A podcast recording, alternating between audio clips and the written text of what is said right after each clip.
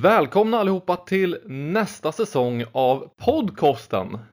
Nu har vi varit borta i ett halvår nästan. Ja. Men vi är tillbaka, starkare än någonsin och redo på att kränga ut information som alla kan ta del av. Så är det. Denna säsong kommer vi däremot ha ett lite nytt upplägg jämt emot eh, förra. Det var vi försökte lägga en grund så att alla skulle kunna ha ett förståelse för kost och liksom ta ställning till saker och ting som man ser i media och styra upp sin egen kost, lite mer så. Den här säsongen kommer vi däremot göra saker lite annorlunda. Det stämmer. Vi har ju under, eller 19 avsnitt, Jajamensan. vetat igenom allt ifrån protein till kolhydrater, fettförbränning, ämnesomsättning, bla bla bla. Eh, och så vidare. Alkohol, eh, jag vet inte vad. Vi har pratat om allt, tycker vi själva. Eh, så alla de avsnitten finns på iTunes, på Acast, bara söka på podcasten, lyssna en kapp. Eh, något som vi särskilt eh, rekommenderar eh, nya lyssnare, eller hur? Absolut. För den här versionen, den kommer att bli eh, nörderi, fördjupning. Precis, så vad vi vill göra nu är att i stort sett varje månad släppa ett avsnitt vart vi går igenom i stort sett de tidningsartiklar, de studier som har kommit ut så att vi kan hålla er on top of the game så att säga. Så att vi verkligen ser till att alla hänger med ordentligt i vad det är som faktiskt händer för att vi har ju en del utveckling som sker hela tiden. Ja, vad är det för rekommendationer? Vad ska vi bry oss om? Vad är det för studier som kommer? Vad pekar de på? Är det någonting vi kan applicera i, vardagen? Precis, så filtrera ut allt brus egentligen Mm. kan man säga. Och det här avsnittet, ska vi prata om det? Ja, det tycker jag. Vi kommer att gå igenom allt. Vi har ju ett halvår att ta igen, så vi, vi kommer att eh, gå igenom allt ifrån eh, Livsmedelsverket, att de avråder oss från att äta krossade linfrön. Eh, dioxiner och dioxinlika PCBer i ekologiska ägg. Vi kommer att titta på eh, några nya studier om mikrobiotan, Mm. vår tarmflora. Kolesterolets roll. Eh, vi har även några studier om viktnedgång som har kommit, som du vill lyfta Jonathan. Jajamensan. Eh, har vi mer? Jo, men transfett. Ja, usch. Transfett tycker vi inte om innan och vi tycker inte bättre om det nu, är det vi vet. Precis, så att det är lite grann att gå igenom och eh, vi hoppas på att eh, kunna ta det här eh, ändå relativt snabbt för att det har gått ett halvår så vi ändå liksom eh, Mm. kommer upp i eh, tempo med verkligheten igen. Eller vad man ska säga. Och därefter ta lite, ja, vad ska man säga, lite färre studier i, eh, i varje avsnitt och artiklar. Ja, men det stämmer. Vi kommer att summera månadsvis. Eh, både rubriker, studier och så vidare. Mm. Så det som händer under december månad, det kommer ni att få höra oss eh, tänka och reflektera och presentera under i början på januari. Precis. Så är väl upplägget då. Så en gång i månaden så kan ni lyssna till podcasten. Yes. Vill ni eh, följa podcasten dagligdags så hittar ni den på, på Facebook. Eller hur? Det är bara att söka eller hur var det? Ja, enkelt. Sök på podcasten och sen eh, kommer vi upp där. Då är det bara att klicka like och sen läs det som vi delar. Ställ era frågor. Eh, ha gärna en konversation med oss. Det är, någonting som vi alltid tycker är kul. Och har ni någonting nu som ni, som ni läser i tidningen eller tar del av, någonting som ni hör, så pointa ut det där då så kan vi eh, lyfta det i nästa avsnitt. Ja, all hjälp vi kan få med att hitta artiklar, bra som dåliga, när det kommer i liksom, eh, dagens Mm. media är mycket uppskattat för att eh, det är svårt att kamma igenom alla eh, olika tidningar och så. Så det är säkert mycket Mm. som går under vår radar just för att ja, man läser inte alla dags och kvällstidningar direkt. Mm. Och det, Nej, det stämmer. Detsamma gäller ju från olika internetmagasin av olika slag. Mm. Allt. Hjälp oss att gallra och lyfta det som är intressant. Precis, uppskattat av världarna. Uppskattas. Och mer om mig och Jonathan hittar ni på våra respektive hemsidor. Eh, Vi finns även på Facebook och Instagram. Eh, Något mer? Inga konstigheter? Sök på våra namn eller renstyrka.se. Precis, det går också att hitta länkar till oss från eh, podcastens Facebook. Ja, precis. Så att, Det är så snyggt. Så. eh, lätt hittade. Mm. Eh, Men eh, vi kan väl eh, dra igång med avsnittet. Jag är ganska taggad här så att det känns ja. dumt att stanna Ja. upp här.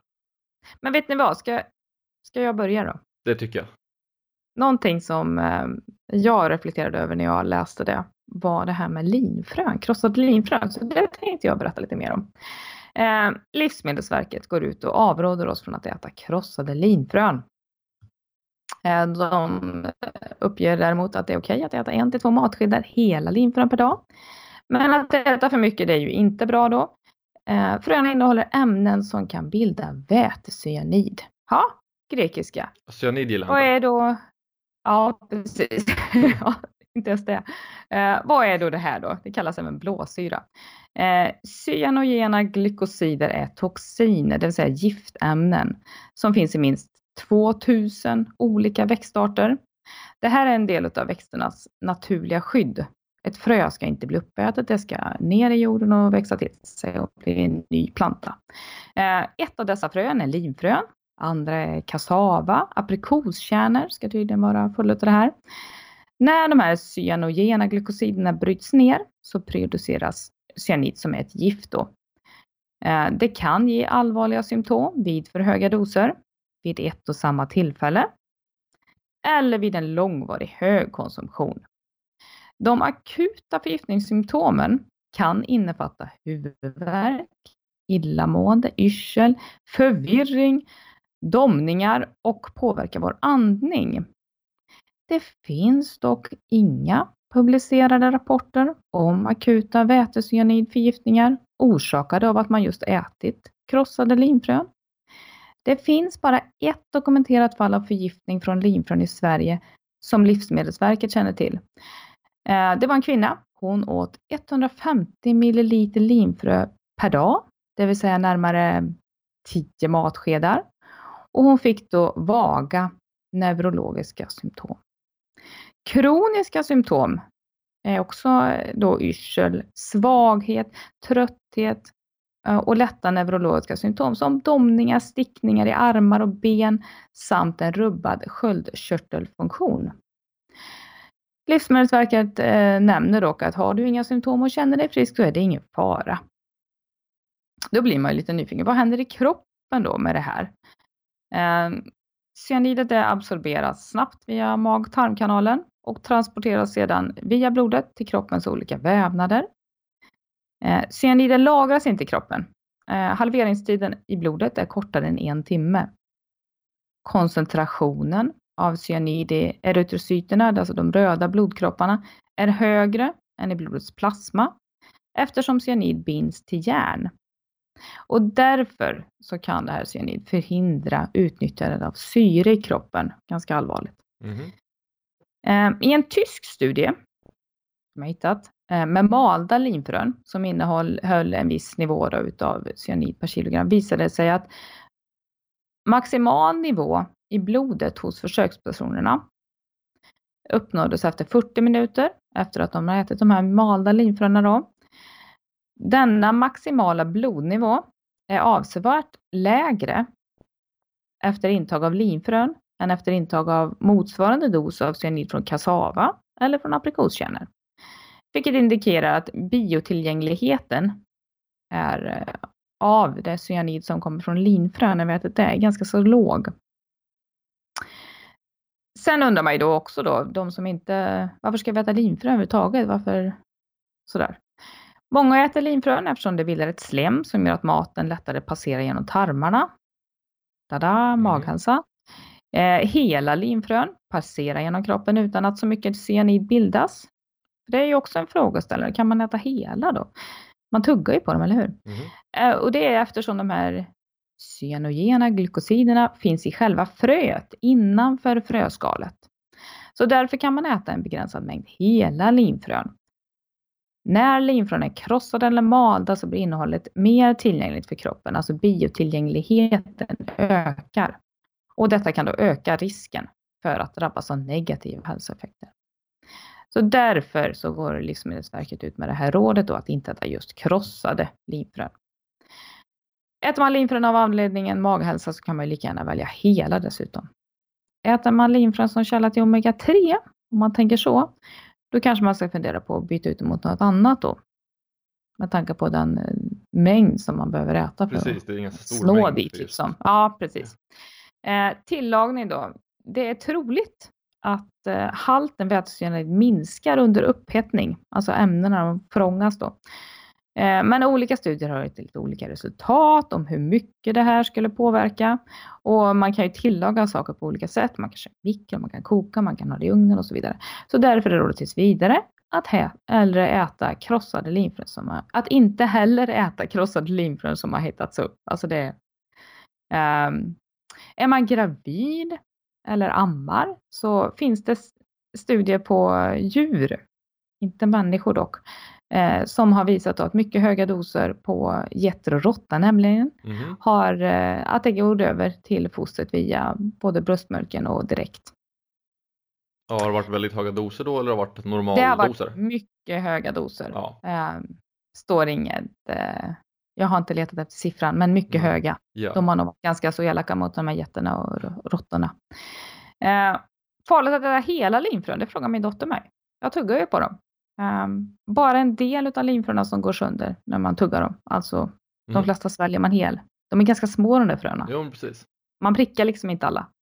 Eh, så därför är risken att få i sig skadliga mängder mindre jämfört med att äta krossade linfrön. Sen, linfrö finns ju även som linfröolja. Finns det vätecyanid i den också då? Halten av eh, är sannolikt låg i linfröoljan då eftersom vätecyanid inte är fettlöslig. Så där. Däremot så har Livsmedelsverket inga analysdata som liksom styrker det här då, men det är inte fettlösligt så att Nej. sannolikheten är ju lite mindre då. Annars kunde man ju tänka sig att koncentrationen skulle vara högre då i en olja. Ja, Jo, ni förstår. Ehm, ja, det är lite svårt för dem att ge ett råd om eh, en säker nivå av konsumtionen av krossat linfrö. Och det beror lite på att det saknas ju tillräckliga data då. Dels så kan ju halten av eh, cyanogena glykosider, nu, nu börjar jag bli bra på att säga det här, ingen. i olika linfrösorter variera. Ehm, Det kan också påverka krossningsgraden på de här linfröna. Alltså hur väl Mm. om de är malda eller bara liksom grovstunsade. Lagringstiden kan påverka. Och som sagt om de är upphetade eller inte. Men även hur mycket som tas upp av kroppen under olika omständigheter. Mhm. Mm. Och varför är det tillåtet att sälja det här om det är så farligt då? Det är ett osäkert kunskapsläge som ger bristfälligt underlag för totalförbud, anger Livsmedelsverket. Så därför så är det alltså tillåtet att sälja. Men istället så ges råd till konsumenter att inte äta krossad linfrö. En produkt den förbjuds ju inte automatiskt bara för att det finns en risk utan eh, beslut står i proportion till den fara risk som ska hanteras då. Mm. Så företagare får besluta själva om de vill fortsätta att sälja krossade linfrön. Mm. Inklusive de här sammansatta produkterna då, som man kan tänka sig att det finns krossade linfrön i. Eh, Det är alltid livsmedelsföretagarens skyldighet att säkerställa att de livsmedel som säljs är säkra för konsumenten. Det här är lite spännande kan jag tycka. Med tanke på allt annat som man säljer i livsmedelsbutiker. Ja. Eh, vad är resultatet då? Jo, ICA de var ju snabba då. De tog bort krossade linfrön i sitt sortiment. Um, Risenta, Kung Markatta, Coop, alla de här följde snabbt efter. Tog bort produkten. Zup. Eh, Salt och Kvarn däremot, de upplyser konsumenterna på sin hemsida. Smart tycker jag. Dels om linfrönas näringsvärde, alltså de är ju rika på fleromättade fetter, fibrer, fodsyra, kalcium, magnesium, järn, zink, ja ni hör ju liksom. Um, men de upplyser också oss konsumenter om att de innehåller ett naturligt växtgift som i kroppen kan omvandlas till vätecyanid. Och sen så har de länkat och vidare till Livsmedelsverket. Jag frågar mig då, var, var fick liksom Livsmedelsverket luft ifrån? Varför kom det här upp i dagar? Det finns liksom inget, det är inget nytt under solen. Utan helt plötsligt så går man ut och upplyser oss konsumenter om det här då. Eh, jag kan också tycka att de som väljer att äta krossat linfrö eller liknande, det är ganska så upplysta konsumenter. Det är inte så att krossat linfrö är veckans vara, highlightad med köp fyra paket och betala för två. Nej, men precis. Utan eh, de här krossade linfröna, de hittar vi längst ner, längst in i butiken om vi hittar dem alls. Eh, och om man nu som motorsäljare tar ett så enormt ansvar att rädda befolkningen från de livsfarliga linfröna så undrar man ju varför det inte är denna linje genomgående med allt som de stoppar in och säljer till oss. Det är väl ett bra sätt att se ansvarig ut samtidigt som det inte blir så mycket skillnad i försäljning skulle jag tro, eller? ja, förmodligen så är det så. Jag menar man kan använda lösgodis som eh, lockbete eller... eh, Ja, eller de säljer fortfarande cigaretter så att Ja, det går att sälja. Kan det vara är vanligt. hyggligt bevisat att det är lite negativt för kroppen kan man väl säga. Ja, det finns många sådana där godingar. Men Min fråga är ju, kommer du göra någon skillnad i hur du konsumerar det? Konsumerar du tidigare? Nej, jag Fast gjorde inte det. Nej. Utan det var hela linfrön. Skulle du förändra det om du, alltså efter den här informationen? Alltså, tio matskedar skulle jag ju aldrig börja äta. Nej, jag vet, det är galna mängder. Det är galna mängder. Ehm, Jag kan säga, jag har personligen själv inte varit en stor konsument av linfrön. Jag kan nog räkna liksom på fem år i stöten sedan jag åt det sist ungefär. mm, Eh, medvetet så när det är någonting annat. mm. men- Nej, men jag kan ta en, en tesked och, och ehm, koka gröten i det. Alltså Mm. bara för att få upp liksom. Det blir en rätt schysst konsistens kan jag tycka då. Ja. Andra kan tycka att det är lite sådär. Eller en, om man gör en granola i ugnen eller Mm. müsli eller någonting sånt. Att man blandar i det. Jo, Men det är oftast hela. Mm. Vill jag krossa det så kan jag krossa dem själv i så fall. Nej, det känns som att det känns som de kanske har blåst upp det lite grann. Eh, om man säger så. Ja, Jag skulle personligen själv inte liksom ändra mitt konsumeringsmönster om det inte är så att jag åt otroliga mängder, till exempel 10 matskedar. Som, det känns som att en matsked är en stor mängd att ha i sig på en dag. Ja, och att Eh. man upplever då bekymmer med det. Alltså Ja, upplever precis. man inga symptom eller någonting annat så nej, då är det okej. Så eh, ja, Där har vi det. eh, där har ni det. Det är inte så knussligt helt enkelt. Utan Det eh, behöver inte vara så farligt som det ibland kanske ser ut. med sunt förnuft. På tal om saker som kanske inte alltid är så farligt som det ser ut så ska vi prata om ett annat ämne också. Ja, det stämmer. Jag har ju också eh, noterat det här med ekologiska ägg. Det skar ju lite i hjärtat får jag ju säga, Mhm. eh, rent ut sagt. Ska jag ta den nu först eller? Ta den Jag fortsätter direkt. Snacka på. Ja, det känns som du är på en bra roll här så att, eh, ta den du. Ja, men då tar vi. Jo, så här var det ju. Eh, Man har ju hittat dioxiner och dioxinlika PCBer i ekologiska ägg. Hmm. Mhm. Det var ett pressmeddelande som gick ut från Livsmedelsverket den 12 oktober som gör gällande att, och jag läser, citerar, miljögiftet dioxin som finns i varierande mängd i alla animaliska livsmedel förekommer i högre halter i ekologiska ägg, eh, inom parentes, från höns utfodrade med foder innehållande fiskmjöl, än i de som är konventionellt producerade. I medeltal det är tre gånger mer då.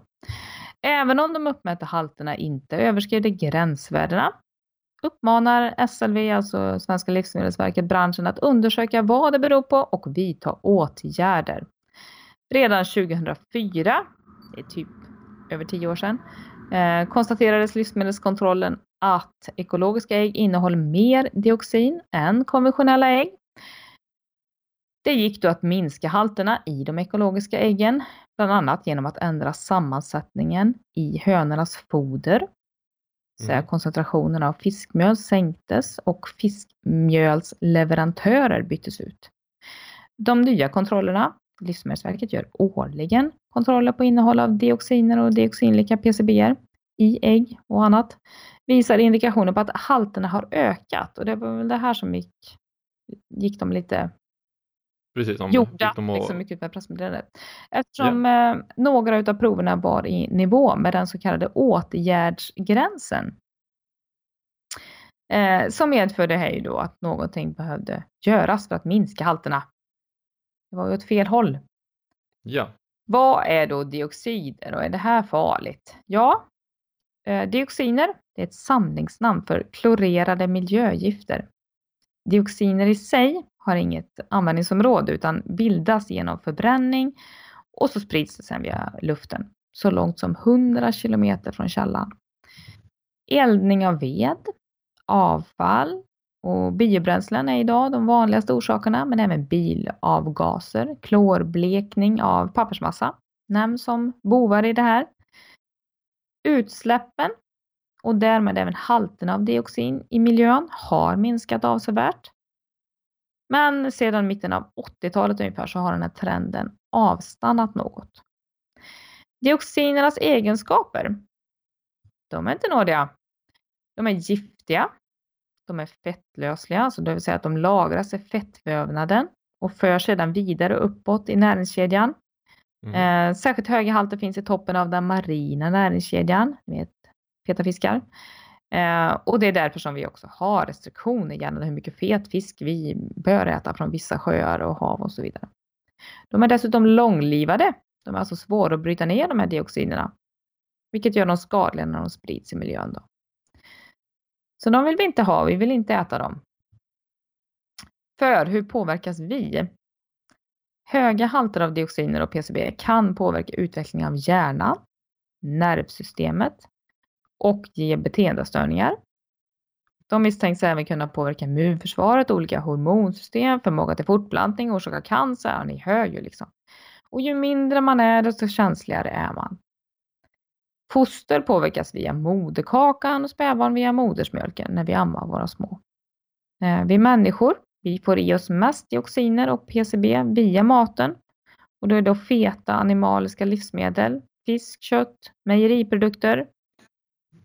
På grund utav den metabola omvandlingen, att den är så låg, är halveringstiderna för dioxiner och PCB tämligen höga. Så därför vill vi ha i oss så lite som möjligt. Mm. De här kommer alltså finnas kvar hos oss ganska lång tid. Hos djur, hos djur, upprepar, har man sett att dioxiner bland annat orsakar hudskador, eh, ett försvagat immunsystem, störningar av reproduktion, inklusive fosterskador, tumörer. Höga doser kan dessutom orsaka avmagring som i sin tur kan leda till döden. Man vill inte veta hur de hade hur de undersökt det här men som sagt, vi vill inte äta dem. Eh, möjliga orsaker då, om vi ska återgå till det här pressmeddelandet från eh, Svenska Livsmedelsverket. Att det är ämnen i fodret eller i miljön kan bidra till att dioxin finns i äggen. Svenska ägg innehåller ofta mindre dioxin än ägg från länder där marken är starkt förorenad av dioxin. Mm. Hönor som vistas utomhus kan ju då alltså få i sig dioxiner genom jorden, växter, mask och insekter som de tuggar i sig.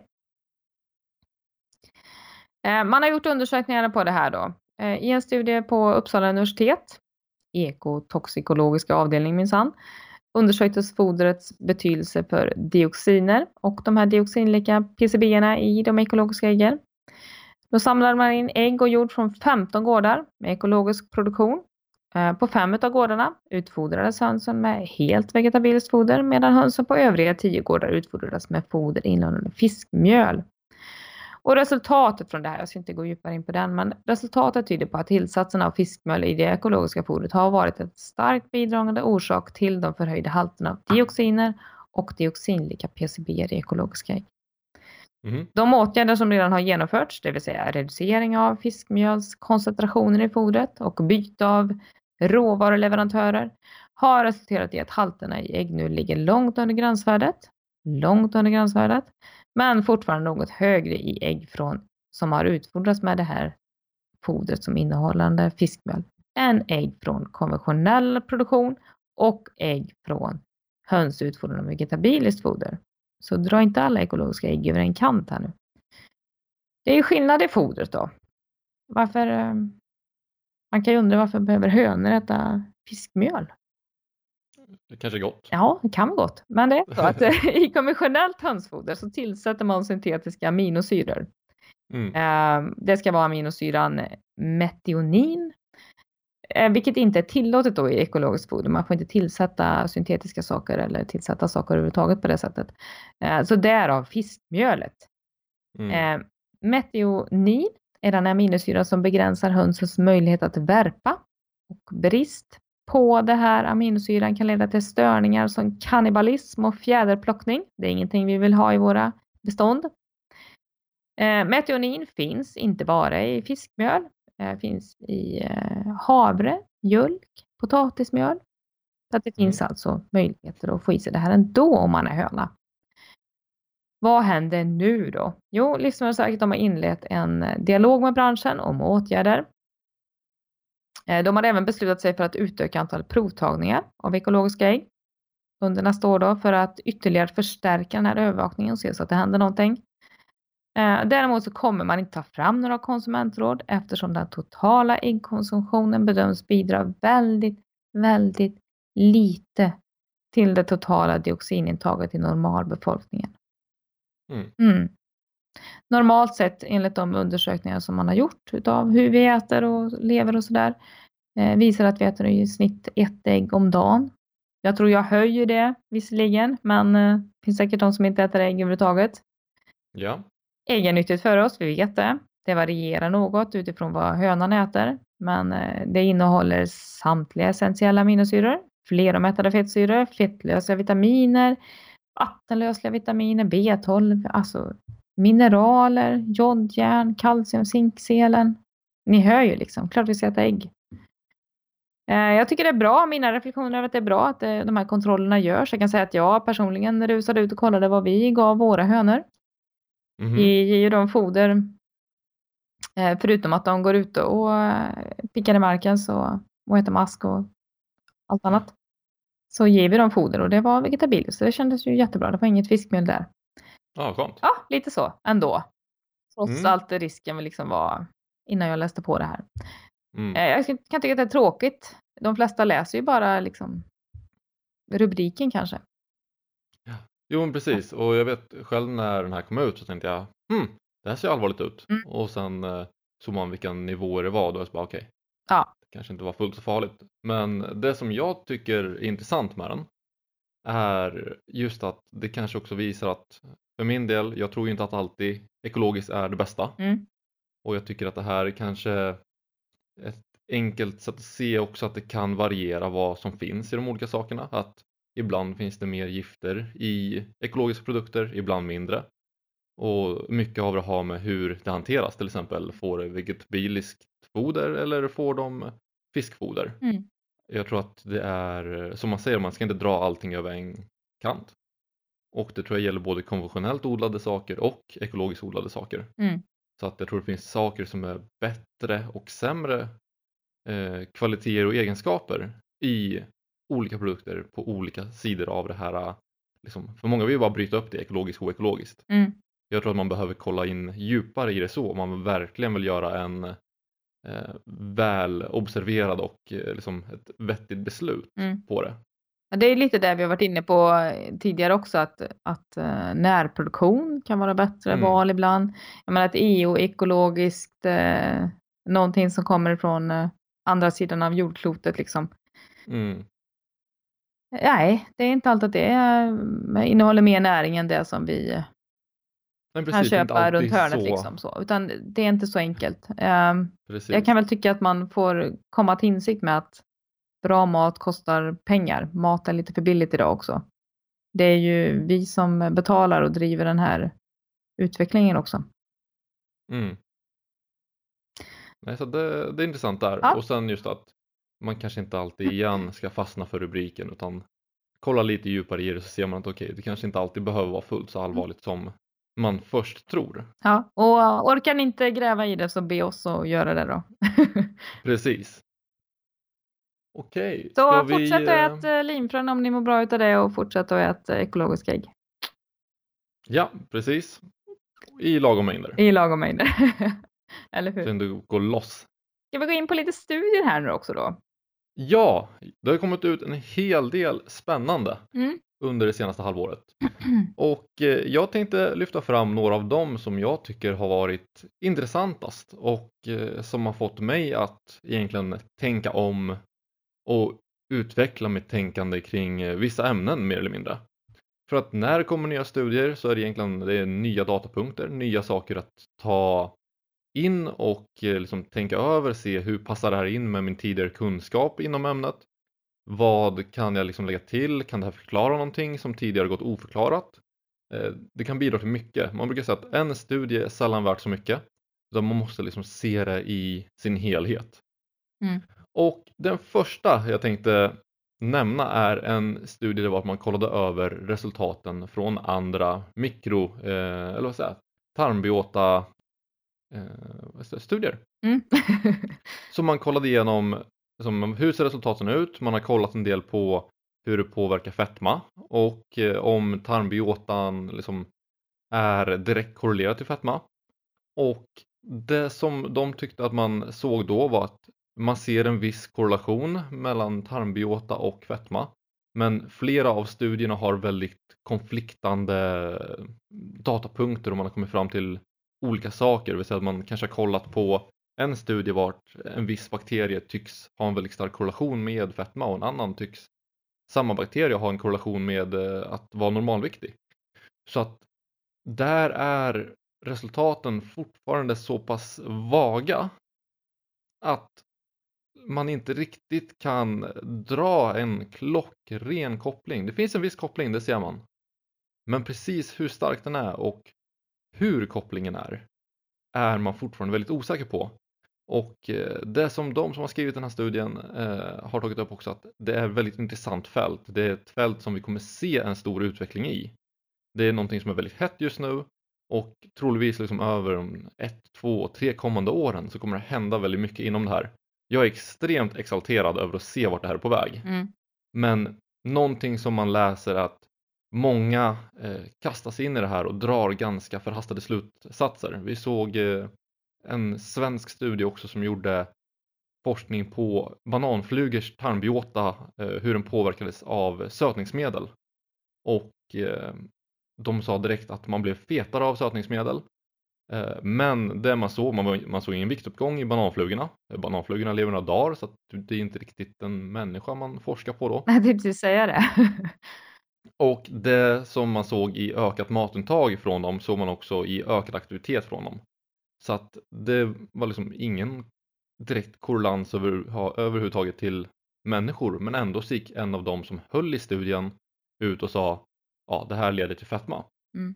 Men när man väl kollar på studien i sig så var det så bara vänta, vart fick du det ifrån? Men det här med tarmbakterier, om vi återgår till den här mm. studien då. Man söker alltså efter um, vad jag förstår, helst så skulle man säkert vilja hitta just den här bakterien eller den bakterien Precis. som är liksom the shit, eh, mm. lösningen. Eh, för ja. då kan man ju liksom göra typ läkemedel av den va? Och så. Mm. Ja, det skulle man nog kunna göra. Bota alla. Men ja. En stor poäng med det här med tarmbiotan, att det ska fungera, det är ju att det är en, en stor varians, en stor, eh, mm. eh, många olika så att säga, att det liksom är deras Precis. bredden utav det hela som är viktig. Det som är svårt där är ju att vissa av dem är onyttiga och kanske till och med mm. farliga för oss. Absolut. Och andra är nyttiga och bra för oss. Så att har man en stor bredd på dem mm. men man har en bredd av mycket dåliga saker mm. Så leder det inte till en positiv korrelans i hälsa. Nej, precis. Så att man måste liksom delvis identifiera vilka det är som vi kan dra nytta av och vilka det är som liksom gör oss eh, vad heter det, sämre helt enkelt. Vi måste dela in dem i två lag helt enkelt. Ja, det, det är lite grann, de, liksom, precis som med mycket annat så är det inte liksom så enkelt som man kan säga att allt är bra och allt är dåligt utan vi måste identifiera lite mer exakt vad vissa gör. Man har börjat kolla på vissa specifika och se vad de har för liksom, påverkan på. Så man kan säga ja det här verkar ju vara mestadels positivt, det här verkar vara mestadels eh, negativt. Mm. Men just nu är det väldigt mycket brus inom forskningen. Det är liksom eh, en, mm. ja, vad ska man säga? Det är svårt att se tydligt när man jämför mellan studier precis vad de olika sakerna gör så att det behövs mycket, mycket fler studier mm. så man kan eh, tolka det ordentligt och liksom ge ett eh, klart och enkelt svar på det. Ja. men det är väl en tydlig, det kommer att hända väldigt mycket mer helt enkelt och alla Precis. de här studierna pekar ju på små, små, små saker uh, och sen när de här små, små, små sakerna bildar ett mönster, det är först då som vi kan dra några konkreta slutsatser utav det egentligen, vad det innebär för oss. Precis. Och ett sätt att applicera. För även de här dåliga bakterierna, som du säger, de har ju också en funktion. De ska inte vara i mm. övertag, men de har ju även en, en funktion i att träna vårt immunsystem och hålla det alerta. Det är ju som allt annat, det ska vara en balans i kroppen. Ett förhållande. Ja. Som vi mår bäst eh, av. Ja, det som jag tyckte var viktigt just framförallt med den var att de verkligen lyfte fram det här med att osäkerheten är ganska stora Mhm. för att det har varit en hel del rubriker det senaste halvåret som har varit så bara, ja, nu ser vi klart och tydligt det här och man bara nej, vi ser inte klart och tydligt det här. Utan det är kanske en studie som har fått fram de här resultaten och det Mm. konfliktar med åtta andra. Mm. Eh, Så det är sånt som är liksom lite, lite svårt på den fronten. Mm. Forskning pekar riktningen men vi behöver eh, ha fler pilar åt samma håll för att Mhm. kunna gå någonstans. Ja, Ja. vi hade fler va? Mm. ja, en annan som har varit ganska konfliktande över åren, ganska länge till och med. Mm. Det är kolesterol. Mm. Hur bra eller dåligt är det? Här har vi de som liksom vill äta superlågfett för att kolesterol är eh, nyckeln till en tidig död i stort sett. Och sen har man andra communities som eh, Paleo och LCHF vart de ofta tänker att kolesterol det är värsta mirakelmedicinen, det ska man ha så mycket som möjligt i sig. Mm. Och det är bara en myt från Big Pharma att det skulle vara negativt för hjärta och liksom kärl och hälsa. Eh, så här har man kollat lite på vad man behöver göra när man väl har nått eh, riskvärden för eh, hjärta och kärl. Så man tänker så här, okej, ja, nu börjar det se ganska dåligt ut i kroppen. Hur åtgärdar vi det här? Och man ser att, att sänka kolesterolet enbart är inte en effektiv behandlingsmodell för att dra ner på risken. Men det bör vara en del av behandlingsmodellen. Man bör också sänka kaloriintag om det är så man är överviktig. Man bör äta mer fiber och eh, framförallt fiber som vi kan bryta ner. Och kanske till och med öka, eller kanske till och med, man bör definitivt öka mängden fleromättat fett. Mm. Så i stort sett man bör börja äta nyttigt och när man kollar på en, liksom, en metod för att dra ner de här liksom, hjärt och kärlsjukdomarna och riskerna för det så bör man äta nyttigt inte bara när man är utsatt för risk utan från start. Så, så långt som möjligt innan man planerar att bli hjärtsjuk så bör man äta nyttigt i stort sett. Det är det här året Eh. som ingen vill höra. Liksom. Börja äta nyttigt. Vadå? Finns det ingen liksom? Heter det inget? För- Heter det ingenting? Är det inget koncept? Nej, och det är liksom just äta mycket fleromättat fett visar sig vara bra gång på gång. Fiber, asbra i nästan alla Mm. fall. Att ligga på normalvikt, också positivt. Eh, och när man liksom ligger på normalvikt, när man äter mycket fiber, eh, när man äter mycket fleromättat fett så behöver kanske inte kolesterol vara särskilt farligt för en. Då kanske man inte behöver tänka fullt så mycket på det. Man behöver inte göra det till en tävling att äta så mycket som möjligt Nej. men det har inte heller så stor negativ inverkan. Så att just att man försöker att liksom, ta flera mål och är man utsatt för en risk så kanske man inte enbart ska tänka på okej, det enda jag behöver göra nu för att sänka min risk är att dra ner på kolesterolet. Det kanske inte räcker med att byta sitt liksom, smör till Nej. en låg kolesterolvariant utan man vill göra det mesta av sin diet när det kommer till nyttiga hälsoaspekter. Mm. Det är så man faktiskt kan dra ner ris- riskerna på riktigt. Det är väl en kort sammanfattning och jag kommer länka till alla de här som jag pratar om. Så vill ni gräva mer i de här studierna så är ni hjärtligt välkomna att göra det sen. Eh, Okej, men för att eh, gå vidare så kan vi ta upp eh, en annan väldigt, väldigt eh, nära relaterad mm, fråga där och det är att man precis har hittat eh, nya eh, bevis för att transfetter är negativt. Vi pratade om det tidigare också i fettavsnitten att transfetter medför väldigt mycket hälsorisker för hjärta och kärl framförallt. Men eh, nu har man också sett att konsumtion av transfetter kan störa nervcellers kommunikation. Och detta gör då att man kan eh, bli liksom långsammare i eh, sitt tänkande som jag förstår det. Samt att det ökar risken för Alzheimers, vilket man helst inte då vill ha. Så där har vi ännu liksom ett sätt som transfetterna stör eh, hälsan och liksom, ja, kommunikationen mellan celler. Mm. Så att undvik dem. De var, de var jävligt risiga tidigare, de är ännu risigare nu verkar det som. Så att Transfett finns ju naturligt i, i eh, animaliskt protein så att säga. Eh, Men i lite mindre doser då. Det är väl det här eh, tillsatta transfetter, det är livsmedelsproducenternas eh, processer som bildar transfetter. Det är väl där som det blir, Mm. kan bli Och samma sak under matlagning, man inte häffar upp maten alldeles för snabbt. Börjar liksom ens mat se ordentligt bränd ut, då kanske det inte är det nyttigaste för precis. Eh, Så superkrispig bacon vet jag inte precis hur nyttigt det egentligen är. Liksom. Eh, Och eh, i motsats till det så har man också kollat lite mer på DHAs, alltså en del av eh, omega-3 egentligen och dess eh, effekt på hälsan. Och det ser ut att ha eh, ungefär precis motsatta eh, effekter då, mot eh, transfetterna. Så det ser ut att öka eh, liksom hur enkelt det är för våra cellmembran att kommunicera. Mhm. Så att på samma sätt som transfett gör det svårare så gör fleromättade fettet DHA gör det lättare för det. Så där kan man alltså dra ner på risken för Alzheimers Och var hittar vi det genom att någonstans? öka Då? intaget det. Det kan man hitta lite överallt. Jag hittar det framförallt i mina omega-3-tabletter. Men man hittar också i fisk, eh, linfrön, krossade och inte krossade. Ehm, så Ja. att det, det finns ju lite Ja. överallt, liksom i nyttiga fleromättade fetter i stort sett där man hittar det. Precis.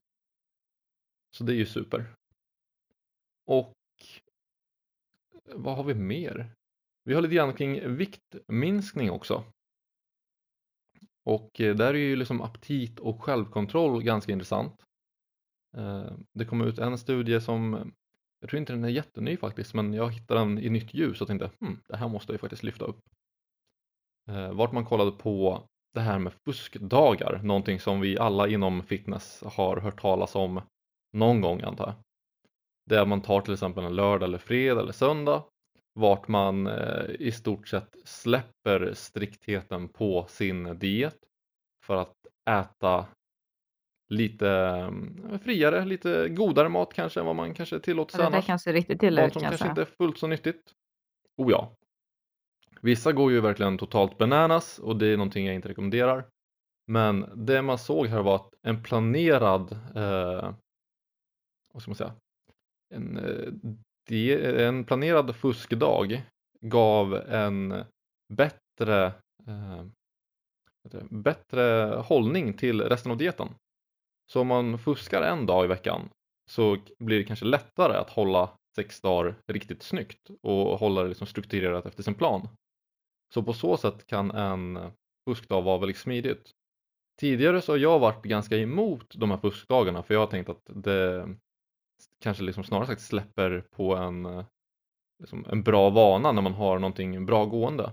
Så jag tror det är väldigt eh, olika för hur man är som individ, vad som man tycker känns och man klarar Mm. bäst. Jag, jag själv tar till exempel och sprider ut mitt fuskande över hela veckan lite grann. Men just den här såg det ut som att man hade nytta av att ha en dag vart man fick känna sig mer fri från dieten för att sen hålla den andra. Så det är någonting som jag börjar planera in hos vissa liksom mer eh, alltså mer konstant om man har en ordentlig fuskdag vart man ökar kaloriintaget väsentligt.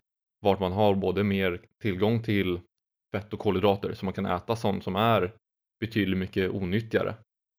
Just för att man ska kunna känna att man kan släppa loss lite mer på ett annat sätt. Mm. Eh, Det är nog väldigt individuellt hur man, dag. hur man svarar på, en sån, på ett sånt beteende så att säga. Mm, det tror jag också. Men eh, just den här studien vi- visade att det var liksom de, de flesta som hade den här liksom, fuskdagen hade lättare att hålla det över. Så det är säkert ett verktyg som man kan dra nytta av och det gick från mig, för min del, eh, såg jag det som någonting negativt förut och så bara, vad fan ska man ha en fuskdag till? Det är bara att sprida ut det. Men det verkar som att folk kan dra nytta Mm. av det så det är någonting som man kan dra nytta av helt enkelt om man väljer att göra det. Och nu har det varit högt tempo, många olika studier. Men nu kommer vi till den absolut mest intressanta i mina ögon i alla fall. Och det är ju min eh, man crush Kevin Hall som släppte en eh, ny studie nyligen vart man kollade på aptit under viktminskning. Och det här är någonting som jag tycker är extremt intressant för att ofta ser man ju att folk som går ner i vikt har en ten- tendens att igen gå upp i vikt igen. Och folk tappar motivationen och det blir svårare att följa en diet desto mer lyckad den är i stort sett. Alltså desto längre man går ner så blir det ofta svårare att liksom hålla den. Och eh, det man kollade här var att man jämförde en grupp eh, men ja, man hade placebo och sen hade man en, eh, liksom, nej inte placebo, man hade en kontrollgrupp och en, eh, en grupp som fick ta ett, eh, en medicin som gjorde att man i stort sett kissade ut kolhydrater. Eh, och det ledde till att ena gruppen alltså blev av med ungefär 150 kalorier ur liksom, kroppen samtidigt som den åt lika mycket. Så båda grupperna åt precis lika Mm. mycket. De åt väldigt lite. De åt en väldigt låg kalori liksom, diet. Ena gruppen då absorberade 150 kalorier mindre än vad den andra gruppen gjorde. Det vill säga att de också fick en snabbare viktnedgång från start. Mhm. Och vad man kollade här på var hur de båda grupperna upplevde sin aptit. Och det viktiga här är att man tänker på att båda grupperna åt precis lika mycket liksom, i förhållande till sin kroppsvikt. Och eh, ändå så ökade aptiten i den gruppen som fick den här medicinen snabbare och mer än andra. Men aptiten ökade också i jämn takt med viktnedgången. Så vad man kom fram till var i stort sett att för varje kilo som de gick ner så ökade deras aptit med ungefär 100 kalorier per dag. Alltså man var sugen på ungefär 100 extra kalorier. Mm. Så om man då skulle ta bort dem från dieten och vi säger att någon har gått ner 5 kilo så skulle de spontant vilja äta ungefär 500 kalorier mer än sin eh, maintenance. Och maintenance är då liksom den eh, mängd kalorier du behöver för att hålla vikten. Mm. Gick du ner 10 kilo så skulle man väl äta ungefär 1000 kalorier mer. 40 kilo 4000 kalorier mer. Så att eh, den här ökade hungern verkar vara det som leder till att folk får svårt att hålla en diet och sen även efter man har liksom dietat ner sig i vikt får väldigt lätt att gå upp igen för att kroppen säger ja, ge mig mer mat. Och man upplever en liksom stor ökad hunger väldigt länge efter man har gått ner den här vikten också. Mm. Så medans egentligen eh, liksom förbränningen sänks med ungefär 30 kalorier per kilo när man går Mm. ner i vikt så ökar hungern mycket, mycket mer än vad sänkningen i förbränning gör. Eh, Så att det tycks vara hela aptitaspekten av det hela som gör det så otroligt svårt att hålla en ny vikt. Eh, Vilket är ganska förödande egentligen kan man säga. Det är ganska hårt att gå runt och vara hungrig hela tiden. Mm. Men det kanske är någonting som man får acceptera också att vill man gå ner i vikt och framförallt mycket vikt så får man acceptera att vara lite hungrig. Annars kommer man kanske inte Ja, lyckas. framförallt vill man hålla den vikten sen.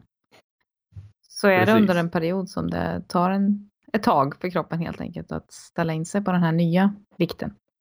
Absolut, och man har ju sett tidigare att det kan ta liksom över tre år att ställa om sig. Ja, det är ganska tufft att Så höra. det, ja, det kommer vara, men jag tror att det är nyttigt att man går in med den inställningen också, att man går in och förbereder sig att det kommer vara tufft. För det, det är aldrig någon dans på rosor. Många eh, går in och säger att det ska vara så otroligt lätt Mm. att liksom, gå ner och hålla en vikt. Men det kommer inte vara. Jag tror man får använda det som en eh, rekommendation att inte gå upp i vikt. Absolut, och man måste hålla kontrollen. Jag har sett så många som har gått ner mycket vikt och liksom lyckats hålla det Mm. under ett bra tag. Kommer in i en väldigt stressig period och tänker ja ah, nu är det mycket stress här så att jag tänkte hoppa över mina dagliga invägningar eller mitt räknande av mat och kalorier för att ta bort ett stressmoment. Och sen BAM! Vikten Ja, snabbt man börjar spontanäta och, och sen precis man äter efter vad hungern Mm. säger och sen går man upp i vikt. Och det är ju någonting som också är väldigt stressat, eller som stressande när man märker att man gått ner i vikt och sen plötsligt går man upp och upp och upp. Det är ju det är jätte, jättetråkigt, liksom. det är ju eh, nästan liksom tragiskt för någon som har kämpat väldigt hårt Mm.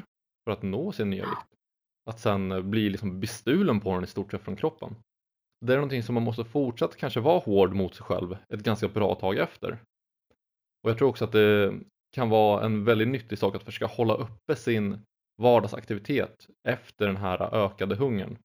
Det vill säga att man, eh, om man vet att man kanske kommer ha 500 kalorier högre eh, liksom sug, Mm, mm. om man säger ja, så, Precis. så är det kanske bra att planera in så man har en vardagsaktivitet som faktiskt kontrar de här 500 kalorierna Mm. extra. Och inte liksom bara i träningstimmar utan se till att man försöker gå mycket extra. Kanske gå när man pratar i telefon, ställer in stegräknaren på att man kanske ska gå 10 000 steg eller 12 000 steg istället för 6 000 steg eller vad man nu hade satt från Mm. början eller vad man hade liksom för normal för att försöka kontra just det här för att det är någonting man kommer uppleva och det, jag skulle säga att det är dumt att inte räkna med det och försöka göra en plan för att motverka det. Nej, man kan inte se det som en tillfällig insats och sen så är det bara att köra på som vanligt utan det är en förändring som, eh, som tar tid. Man måste få ta tid. Absolut. Mm. Och eh, eh, liksom det kanske kan vara deprimerande att liksom höra det för att det är en ganska hård sanning. Mm. Men eh, jag skulle liksom alltid ta det i åtanke. Sen finns det vissa saker man kan göra för att mm, försöka jämna ut det här så mycket. Man vet till exempel att eh, omega-3 underlättar eh, liksom en, ens viktstabilitet efter, i efterhand. Mm. Träning underlättar det också så man får det lättare. Och liksom dra nytta av de verktyg som finns men också inse att det kanske kommer vara, kommer vara tufft. Mm. Och det är där är bra att ha en coach som mig och Maria som håller en i nackskinnet så att säga och säger hallå, nu får vi hålla fokus Ja, här. men så är det ju. ja. ja, det är lite spännande som har hänt och, och eh, jag tror nog att det kommer hända mer redan under december månad här nu. Vi är ju faktiskt snart där. Mhm. Eh, jag läste också om ett, eh, att eh, det är planerat en ny matvaneundersökningar för ungdomar. Som jag tänkte berätta om, Mhm. som vi kommer att hålla koll på. Eh, man vill veta hur mycket snabbmat som tonåringar äter, hur mycket de rör sig, om det finns Mm. miljögifter i deras blod. Eh, så man ska göra en stor nationell kartläggning av svenska ungdomars hälsa. Eh, Det är under det Ja. närmaste halvåret så kommer forskare från Livsmedelsverket besöka 250 skolor runt om i landet. 3000 elever i årskurs 5, 8 och 2 på gymnasiet. Ska registrera. Mm. De ska registrera allt de äter och dricker under tre dagar. Eh, Förutom att föra matdagbok så ska deltagarna även svara på en enkät med frågor om deras matvanor och livsstil. Frågor som forskarna vill ha svar på är många. Man vill veta om ungdomarna äter frukost eller inte. En gammal klassiker. Eh, Äter de skolmaten? Hur ofta äter de fisk? Eh, Hur ser deras läsk och godiskonsumtion ut? Hur många är veganer? Hur många är överviktiga? Finns det regionala skillnader? Allt det här ska nu benas ut. Mm. Eh, Och det ska samlas in för att eh, utveckla kostråd och för att sätta gränsvärden för bekämpningsmedelsrester och tillsatser framöver. Så det är ju bra. Spännande. Jajamän. Man har tidigare gjort en studie på yngre barn som har visat att svenska barns matvanor inte är så bra som man kanske vill tro. 2003 undersökte Livsmedelsverket barn i åldern 4, 8 och 11 år. Deras intag av mättade fettsyror, tillsatt socker och salt var då alldeles för högt. Intaget av fibrer och D-vitamin var för lågt och barnen åt bara hälften av den dagliga rekommenderade mängden grönsaker och frukt och uppemot en femtedel var överviktiga. Mhm. Mhm. Och nästan en fjärdedel av kalorierna som barnen då fick i sig kom från energität men näringsfattig mat som sötsaker och läsk. Det är galet. Ja, det är galet. 2003, Det är jag vill inte veta hur det ser ut nu. Jag tror inte, jag hoppas att det har blivit bättre men jag vet inte om jag tror det. Ja, nej, jag är också väldigt tveksam på det faktiskt. Oh, så ja, Mycket vi håller koll på det här. Mhm. Ja, man kan väl nästan säga att det var, Det var det vi hade månadens idag. rapport. månadens rapport ja. Rapport på vad som har hänt i kostvärlden senaste sex månaderna mer eller mindre. Ja, Det har hänt mycket mer, men det här är det som eh, kändes viktigast att Ja. lyfta. Tycker vi och vi båda. fokuserar på eh, studier och det händer mycket på träningsfronten också. Vi är ju båda tränare så att säga. Men Mm. eh, det är ju kosten som vi, vi vill lyfta i det här forumet så det är ju det som vi väljer att prata mer om. Precis. Ehm, och eh, också där, jag vill passa på att påminna alla att ta er D-vitamin. för att, eh, så att folk tar för lite av det. Och vi är inne i mörka Och tider nu. fibrer, eller hur var det? Ja, och fiber, precis. Alltid fiber. Ja, alltid fibrer. Men just så här att det, jag vet alldeles för många som inte tar D-vitamin och eh, det är säkert många av er lyssnare som inte tar något D-vitamin. Och eh, jag vill verkligen påminna alla om att ta D-vitamin. Det är värt det. Det är en av få saker som verkligen rekommenderar alla att ta som kosttillskott. Jag vet inte om vi kanske kan avsluta vi dagens av här episod med Ja. det va? det känns som det. Eh, vi kan väl passa på att påminna alla om att gärna gå in och eh, ge oss en liten röstning på iTunes eller vald plattform. Japp. För att det är någonting som eh, tar oss upp i listorna så att vi kan få fler lyssnare och så att fler lär sig liksom om vettig kost och kan dra upp folkhälsan lite till förhoppningsvis. Ja, och så att vi kan fortsätta med det här. Vi har ju inga sponsorer eller någonting annat sånt där utan vi kör ju det här på egen tid så att säga. Så mm. gillar ni det ni hör, dela med er av avsnitten och ge oss gärna en liten recension. Ja, och sen också likea oss på podcasten. Kika gärna in våra personliga hemsidor och profiler och så. Um, och sen får ni väl ha en förträffligt trevlig månad tills vi hörs nästa gång. Ja, god jul eller något. Ja, just det. Det blir det. God jul och gott nytt år till och med. Jesus. Det här kommer ju släppas i början av december så det kommer ju låta väldigt tidigt att säga ja. så. Men eh, vi kommer inte höras förrän i början av januari igen. Och tills dess vill vi gärna ha massor av feedback så in och dela med er av mm. den. Vi säger så. Ja, tack för tack, oss. Tack.